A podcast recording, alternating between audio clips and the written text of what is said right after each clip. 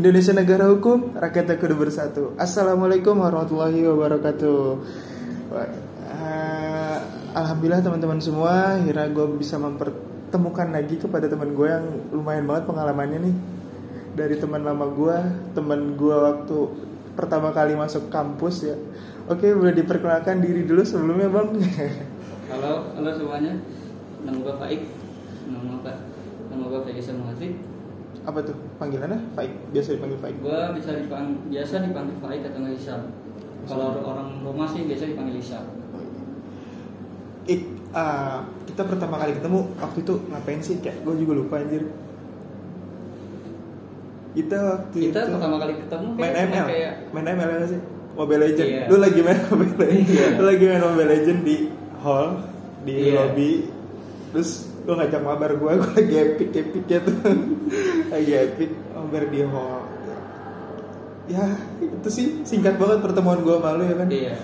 Kalau cuman sapa doang. Sapa doang terus gue kenalan ngobrol bareng sholat jumat bareng ya kan sampai sekarang kita bisa ngobrol kayak gini gue denger denger kemarin gue udah lama nggak punya nomor kontak lu tiba-tiba gue hubungi lu karena gue denger lu kemarin udah habis dari Turki. Iya. gimana Ik ceritanya Ik? kenapa bisa ke Turki? Ya alhamdulillah Turki sebenarnya jadi Destinasi. cita-cita gue. cita-cita lu ada apa sih di Turki eh, gua itu demen sama Turki itu berawal tuh dari baca kisahnya Muhammad Al Fatih oh yang, yang dia dia memper, yang naklukin memper, Konstantinopel. ya, Konstantinopel. Konstantinopel itu kan Istanbul ya Istanbul itu dia naklukin Istanbul di umurnya yang yang masih muda. masih muda lah sekitar itu 20 30 ya? Bagi gua keren banget sih. Terus, terus gue juga suka sama eh, budayanya dia. Hmm? kebudayaannya dia terus gue itu pengen ke sana itu karena pengen ngeliat dia itu wujudnya Konstantinopel tuh. Dan akhirnya yang- terwujud ya apa kota yang ada di Turki. legenda yang ada di sejarah gitu kan? yang cuma lu bisa dengar ceritanya sejarah, doang. iya. ternyata lu bisa hadir dengan ke sana. kebudayaan kebudayaannya dan gitu kota-kotanya. Di Turki itu ternyata banyak nggak cuma Istanbul itu eh, banyak banget di sana tempat-tempat yang ternyata gue nggak tahu. Begitu Oh. udah ke sana dan gue baru tahu oh ada tempat-tempat kayak gini. Justru karena gue alhamdulillah bisa ke sana itu malah ternyata gue nemuin tempat-tempat yang baru selain yang diceritain diceritain yang ada di internet gitu. Nah, itu kenapa lu bisa ke sana gitu gimana ceritanya? Tiba-tiba lu lu gue tahu ini cita-cita lu gitu kan. Ya kenapa lu bisa tiba-tiba ke sana gitu? Gue lost konteks sama lu berapa bulan tuh? Berapa bulan? Karena lu mungkin ganti HP atau ganti nomor. Dan gue juga pun HP-nya tuh sih. rusak. Jadi ya gue bingung tiba-tiba gue dapat kabar anak AB katanya ada yang ke Turki dan itu gue tahu namanya lu Ik. dan gue kaget mungkin gue langsung hubungi lo langsung gue telepon lu gue cari lu semua gitu. Itu gimana? Kenapa? Kenapa bisa ke sana? Atau ya bisa lu ceritakan? Eh gue itu pengen ke Turki itu awalnya belajar. Belajar. gue mau kuliah di sana kan. Hmm. gue mau kuliah di sana gue udah eh, belum lulus belum kelulusan pengumuman kelulusan SMA itu gue udah nyari-nyari beasiswa beasiswa Hmm. gue pernah nyoba nyari beasiswa itu lewat eh, Hafiz Quran. Hmm. gue eh, ujian. Lo berhasil? Eh, enggak gagal? Nggak apa-apa ya? Biasa kegagalan itu yang membuat kita motivasi sih. Terus abis itu di tahun yang sama eh gue ada usaha keluarga. Hmm. gue punya usaha keluarga nenek gue itu kebetulan dari 2011 itu udah eh, ngelola bisnis sendiri? lidah buaya. Hidup gue bisnis lidah buaya di rumah itu. Sekarang sampai sekarang masih. Alhamdulillah home industri dan sekarang makin di tengah pandemi ini seenggaknya masih sustain lah masih masih ber, Masih bekerja teratur lah lah. masih Masih- teratur masih konsisten dan Eh, masih pengirim apa namanya penjualannya masih lumayan teratur lah kalau di ini. Alhamdulillah ya. Alhamdulillah stabil walaupun di tengah pandemi kayak gini. Itu di tahun 2019 kalau nggak salah. Itu eh, usaha keluarga gua Hmm. nenek gue itu kedatangan eh, bisa dibilang pengabdian masyarakat Pengabdi masyarakat. pengabdian masyarakat dari suatu kampus gitu datang ke eh, Rumah? Apa ke usaha, gitu ya, usaha? tempat usaha, atau ke usaha terus ngadain pengabdian masyarakat tuh berupa dulu pelatihan gitu loh ya pelatihan kayak eh, awal pelatihan akuntansi gitu akuntansi dasar kayak Hmm. gitu terus habis itu manajerial yang pokoknya yang berkaitan dengan bisnis gitu kan Hmm. terus ya udah berlanjut berlanjut. Berlanjut berlanjut. Mulai dari situ gua itu udah makin sering bantuin nenek gua. Bantuin, bantuin Ya, untuk bantuin. produksi semuanya gitu. bantuin lebih ke administrasinya sih. Lebih ke bantuin yang bersifat Oh, bersifat di belakang ya, di belakang Ah, layar lah, bukan di depan, Karena di kan- lapangan. karena UKM itu kan bisnis nenek gua masih UKM tapi alhamdulillah Manajemennya bagus. Alhamdulillah ya. belum sih belum nah Belum. justru itu justru itu gua bantuin di situ nyoba sebisa gua bantuin di situ kan nah dari situ baru gua masuk ke LP3I Oh gitu. alasannya itu masuk ke LP3I dan masuk ke LP3I itu jadi eh, alasan pribadi juga sih Hmm. gitu Berarti kemarin ke Turki itu karena ada Iya, seorang LS karena eh, dari- lembaga sum- sumber daya Eh, masyarakat. bukan itu kebetulan eh, waktu 2020 itu Hmm.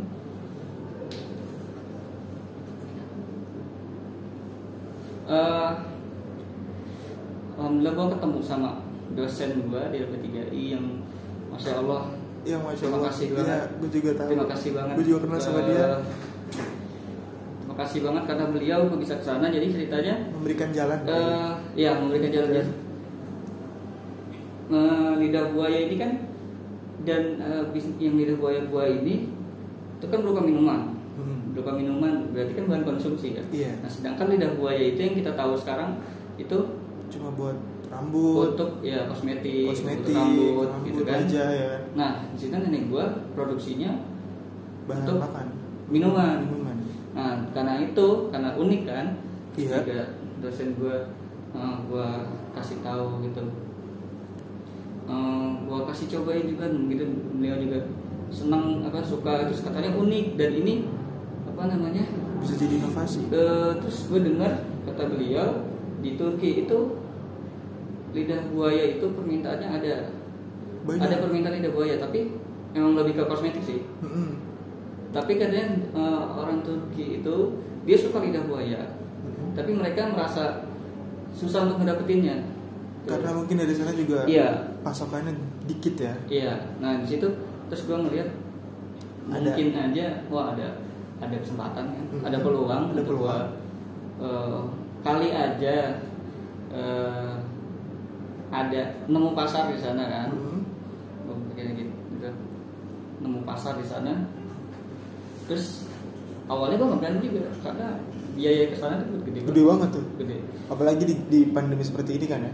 Heeh. Kebetulan awal Justru karena kalau untuk beberapa ya, termasuk kayak tiket gitu, eh, justru itu malah lebih rendah daripada daripada harusnya.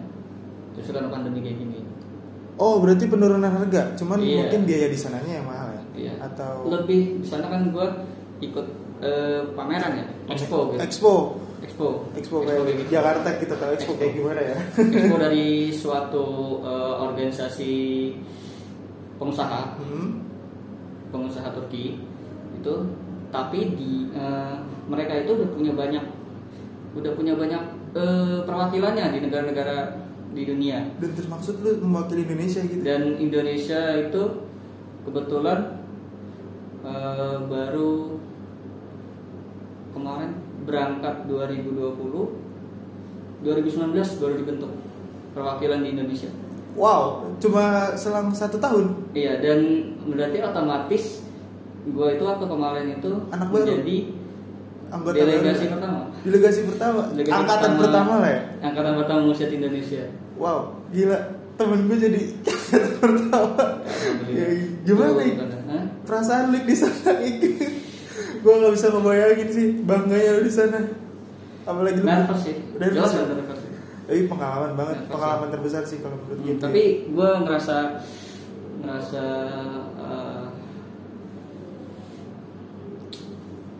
gue proud lah jadinya gue uh, ngerasa bersyukur banget Iya. gue nggak nyangka juga gitu Eh, mimpi gue mau ke Turki itu yang tadinya mau belajar Hmm, Ternyata. ternyata ada jalan lain lewat usaha nenek gue yang sebelumnya itu selalu gue tolak maksudnya ya namanya kita anak muda ya Iya. kita tuh nggak mau jadi apa terus kayak eh, di nggak nggak dikekang juga sih tapi Diatur. kita tuh mau lebih bebas lah ya. Kita pengen lebih bebas. lebih bebas pengen nemuin Jadi diri kita, kita sendiri, sendiri, gitu gitu. kan. Fashionnya kita ya sendiri. kita sendiri gitu tapi mungkin di situ ada rezeki gue Alhamdulillah ya. gue nggak pernah nolak sih cuman gue mungkin kayak eh, masih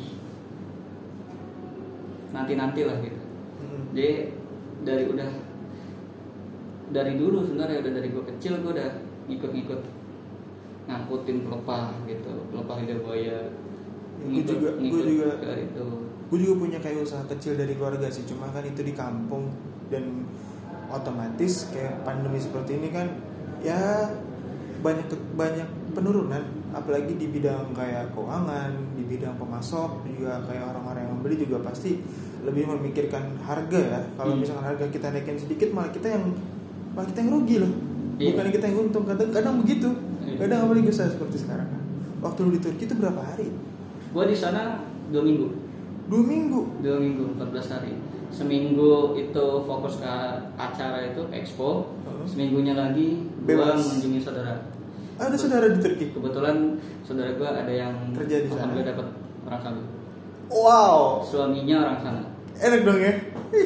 Alhamdulillah nge- itu jadi eh, alasan kenapa gue berani untuk datang ke sana. datang ke sana karena ada keluarga di sana juga.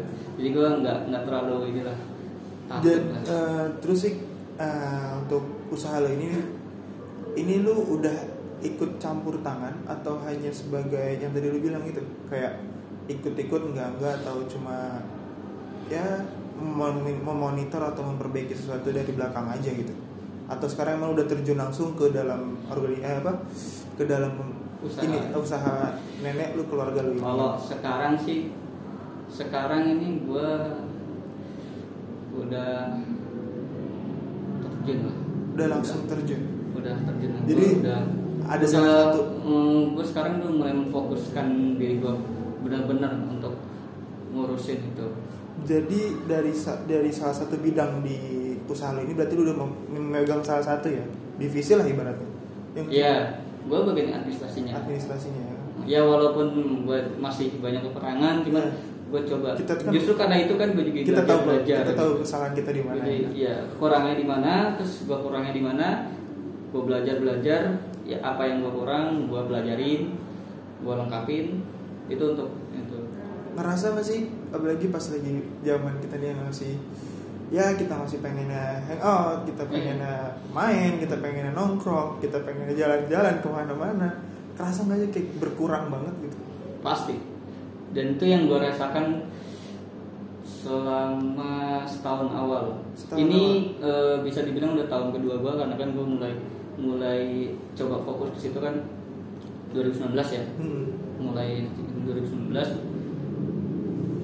setahun awal itu gue masih Ya ogah-ogahan ya. iya Atau malas-malasan dikit gitu ya. Masih ragu-ragu lah. Masih ragu-ragu namanya. masih ragu-ragu masih namanya masih setengah, pertama ya. masih kaget lah Nah. soalnya yang gue pengennya masih pengen main gitu. Hmm. dia masih mau masih pengen hang, hangout gitu Hangout. ya Ya, punya lah kemauan seperti itu kan ya bisa di, kayak keambil gitu kayak Kayak- kayak keambil gue kayak nggak bisa ada kesempatan gitu buat buat ngelakuin itu Hmm. tapi eh, justru karena itu gue ketemu jalannya ini jadi di balik itu semua gue bersyukur banget ada hikmahnya lah ya ada Iya. sesuatu yang bisa kita raih dari mungkin lu kekurangan waktu buat bela- Iya. buat bermain Iya. tapi di balik itu lu pasti punya keuntungan ya walaupun itu materi uang bahkan sampai nanti ke depannya ya? Insya Allah. Amin. Amin. gila. Kita udah lama banget ya nggak ngobrol kayak gini. Nggak ngomong deep kayak Oh, gini. gara-gara corona. Ya kita terbatas ya kan. Ah, kapan-kapan main lah ke rumah gue lagi. Insya Allah. Ya gue kangen banget. Gue pandemi kayak gini eh, lebih lebih kayak di rumah aja karena kan ya, ya ada itu juga Hmm. kan gue sih eh, intinya yang kita kayak ah, di hadis ya? Hadis apa? Apa Riwayat. sih? Riwayat. Yang hal yang kau sukai belum tentu itu baik. Belum tentu itu baik dan hal yang mungkin kamu tidak sukai, sukai itu belum tentu tidak baik buat Itu kita. dia. itu itu gua kena banget sih sama itu Iya, karena ya mungkin lu kemarin ngelewatin hari-hari yang di mana lu pusing mikirin ini, Iya. ragu-ragu, bingung, bahkan lu kadang bingung kayak gue kayak gimana ya, gue kehilangan waktu buat kayak gini kayak gini ya. Tapi ada satu patah satu kalimat yang bikin gue juga mikir hari yang berat untuk orang yang hebat. Dan Iya. gue rasa ya semoga kita semua menjadi orang-orang yang hebat di, di saat hari-hari kita ngerasa hari-hari itu kita tuh berat gitu. Dan ik, lu kan sebagai orang yang udah terjun langsung ke dunia usaha dan lu contoh Berawal lah. contoh uh, role model gue sebagai orang yang ya teman kampus gue yang Allah. di mana ya uh, ya gue kenal lu cuma sebagai faik doang dan sekarang gue kenal lu sebagai orang yang lebih dari faik gitu Ya dan ada nggak sih Ik, kayak misalkan uh, cara atau kayak uh, tips gitu atau gimana caranya biar gue bisa membangun usaha atau gue punya usaha nih misalkan tapi gue bisa bertahan di usaha itu gitu? Hmm, punya rasa tanggung jawab. Tanggung jawab yang penting. Kalau gue punya rasa tanggung jawab terhadap hal yang lo lakuin. Eh, terus juga passion itu eh, memang eh, ada yang kita udah punya Hmm. ya.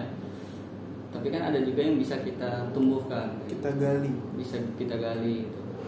yang tadinya kita bukan passion situ. Maksudnya eh, passion itu kan berkaitan sama bakat gitu, Iya. ada kaitan sama keing- eh, kesukaan. kesukaan Iya kesukaan. Kan terus juga ada bakat juga di situ Eh, intinya sih dari kalau lu udah nemuin satu hal yang menurut lu apa ya? Gue bisa nih di dalam ini buat melakukan semua Hmm, dan bertanggung jawab bisa juga karena lu ada tanggung jawab di situ. Iya. karena lu bisa ada tanggung jawab di situ. Eh, kalau bisa lu coba gali dulu deh coba gali dulu hal yang berkaitan sama itu lu coba gali kekurangan lu di situ terus siapa tahu aja lu coba lu pelajari pelajari tentang hal itu terus eh, ilmu kan bisa kita dapat dari mana-mana ya. Iya. Bahkan dari pengalaman. Dari nah pengalaman dari pengalaman itu. Pengalaman temen pun juga bisa ya. Iya bener, bisa, iya bisa. bener kan? Dan gue juga emang dari pengalaman orang lain juga sih, iya. Tentunya. Itu coba fokusin habis itu. Jadi intinya kalau udah eh, jangan nyerah lah, Hmm. jangan nyerah lah kalau karena pasti pasti ada ada jalannya. Pasti kalau emang di situ emang ada udah ada rezeki lu, di situ pasti ada jalannya lah mudah, mudah lah. amin amin terakhir uh, pesan-pesan nih buat gua atau buat orang-orang yang mungkin sedang bersusah payah untuk menentukan keinginannya sekarang nih apa sih yang harus yang apa sih pesan yang pengen lu sampaikan gitu apalagi terutama ke gua khususnya buat gue ya gue kan selalu kayak mengagumi lu nih baik maksud gue sebagai sebagai orang yang Ngagumi udah. Iya, iya paham maksudnya orang kita idolakan pasti Iya, iya. Rasul. Maksudnya gue mau mengagumi lu sebagai seorang faik yang sekarang udah bukan faik yang biasa yang gue kenal kan. Jadi gue sekarang agak canggung sih. Makanya tadi gue pas mau ngobrol sama lu kan gue nanya dulu sibuk gak? Ik? Aduh, gue takut gitu. Ada Ik? Gimana?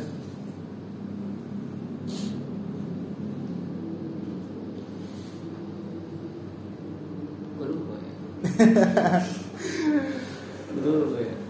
Kalau gue selalu mempunyai prinsip gini, eh, ketika lu nggak tahu, lu bisa harus cari tahu itu. Ketika lu eh, belajar, kalaupun emang orang lain nggak nerima lu sebagai pelajar, ya udah, niat kita kan emang belajar. Mau gimana pun itu belajar. Dan kayak tadi yang lu bilang, pengalaman eh guru terbaik kita adalah pengalaman, tapi Hmm. guru yang paling terbaik itu adalah pengalaman pengalaman orang lain. itu sih kalau gue prinsip buat diri gue gitu jadi gue kadang kayak nanya makanya gue pengen kayak gini tuh gue pengen belajar dari lu gitu kan pengalaman lu gimana sih sampai Turki apalagi gue kan juga pengen banget nih keluar kota eh keluar kota keluar negeri misalkan ke salah satu negeri yang ada di Eropa di Hmm. Arab atau di mana gitu. Iya. Eh, lihat sekeliling sih. lihat sekeliling Lihat sekeliling. kesempatan Jadi eh, bisa dibilang kesempatan, ke kesempatan, peluang. Kita lihat kondisi orang lain. Banyak kan kayak eh, contohnya sekarang kenapa perusahaan kayak eh, Tokopedia Mhm. yang eh, dan e-commerce e-commerce itu sekarang kan menjadi besar itu kan awalnya dia nyob apa namanya melihat sekitar eh, melihat sekitarnya melihat apa ya namanya yang dibutuhkan atau yang kondisi sekitar. Kondisi sekitar kan. Dia ngelihat eh, banyaknya orang sekarang yang pakai online Hmm. ya kan? Memakai eh, internet. Terus juga eh, justru ininya mereka itu terlihat ketika kondisi pandemi ini kan. Iya. Ketika orang nggak boleh ada nggak boleh keluar Nggak boleh belanja, bersentuhan gitu kan? Nggak boleh ke tempat belanja belanja. ya kan? Toko-toko ya kan? Mereka itu sebagai wadah. sebagai wadahnya. Dan situ banyak orang yang akhirnya punya pekerjaan punya penghasilan. Hmm. oh dari dari dropshipper ya, dari reseller ya kan? Iya. dari merchantnya mereka. Eh, terus juga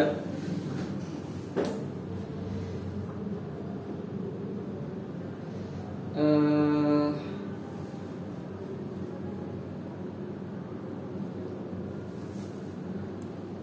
banyak sekarang jenis pekerjaan baru kan iya banyak ini kan kita tahu kan pekerjaan-pekerjaan polisi, polisi tentara tentara, dokter dokter, Guru. pilot, guru kayak gitu kan. Iya. Sekarang mana tahu kita kalau di kondisi pandemi kayak gini ada namanya youtuber. Youtubers kan jadi pekerjaan Iya. editor lebih banyak dibutuhkan Semua yang menghasilkan itu pekerjaan. iya sih kita juga menghasilkan kita menghasilkan berusaha menghasilkan ya kan Iya. Dan mereka sekarang eh, orang-orang yang jadi reseller itu digital shipper itu kan jadi jadi eh, keseharian mereka kan. Jadi keseharian mereka dan itu menghasilkan itu pekerjaan. Keren sih keren Ya walaupun walaupun kita nggak nggak ada sih tertulis di ilmu kan. Nggak ada. Sekarang untuk, untuk sekarang di Iya. buku-buku sekolah kayak gitu masih belum tertulis ya belum. di IPS juga masih Iya. belum tercantum ya kan iya. Ya tapi itu pekerjaan. oke. Itu Keren. aja sih. gitu aja oke udah ada yang mau disampaikan lagi Udah. cukup. Oke, thank you banget Tik atas waktunya, atas apa ya? ya ilmu-ilmu pengalaman-pengalaman yang udah lu kasih ke gua ke teman-teman semua ya semoga kita sebagai orang selalu bermanfaat ya selalu bisa memanfaatkan waktu atau kesempatan yang diberikan Tuhan kepada kita apalagi kita sebagai umat muslim selalu disuruh untuk selalu mencoba suruh belajar dan ya semoga kita mampu menjadi orang-orang yang seperti orang-orang besar sekarang Iya. mau jadi kayak pengusaha presiden atau kita akan menggantikan mereka lah nantinya. Apalagi kita anak-anak Iya. muda yang milenial lah kita udah milenial udah udah banyak mengerti gadget ilmu-ilmu teknologi dan sebagainya. Gue yakin banyak sih yang bakal men- melampaui mereka sih. ya amin. Semoga salah satunya lu. Ya Oh. amin.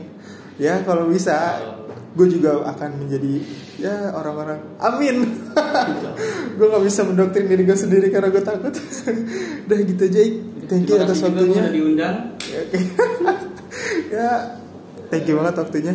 Ya. Thank you banget. Abisnya kita mau makan dulu, Pak. Langsung pulang. Oke. Thank you. Indonesia negara hukum, rakyat kedua bersatu. Assalamualaikum warahmatullahi wabarakatuh.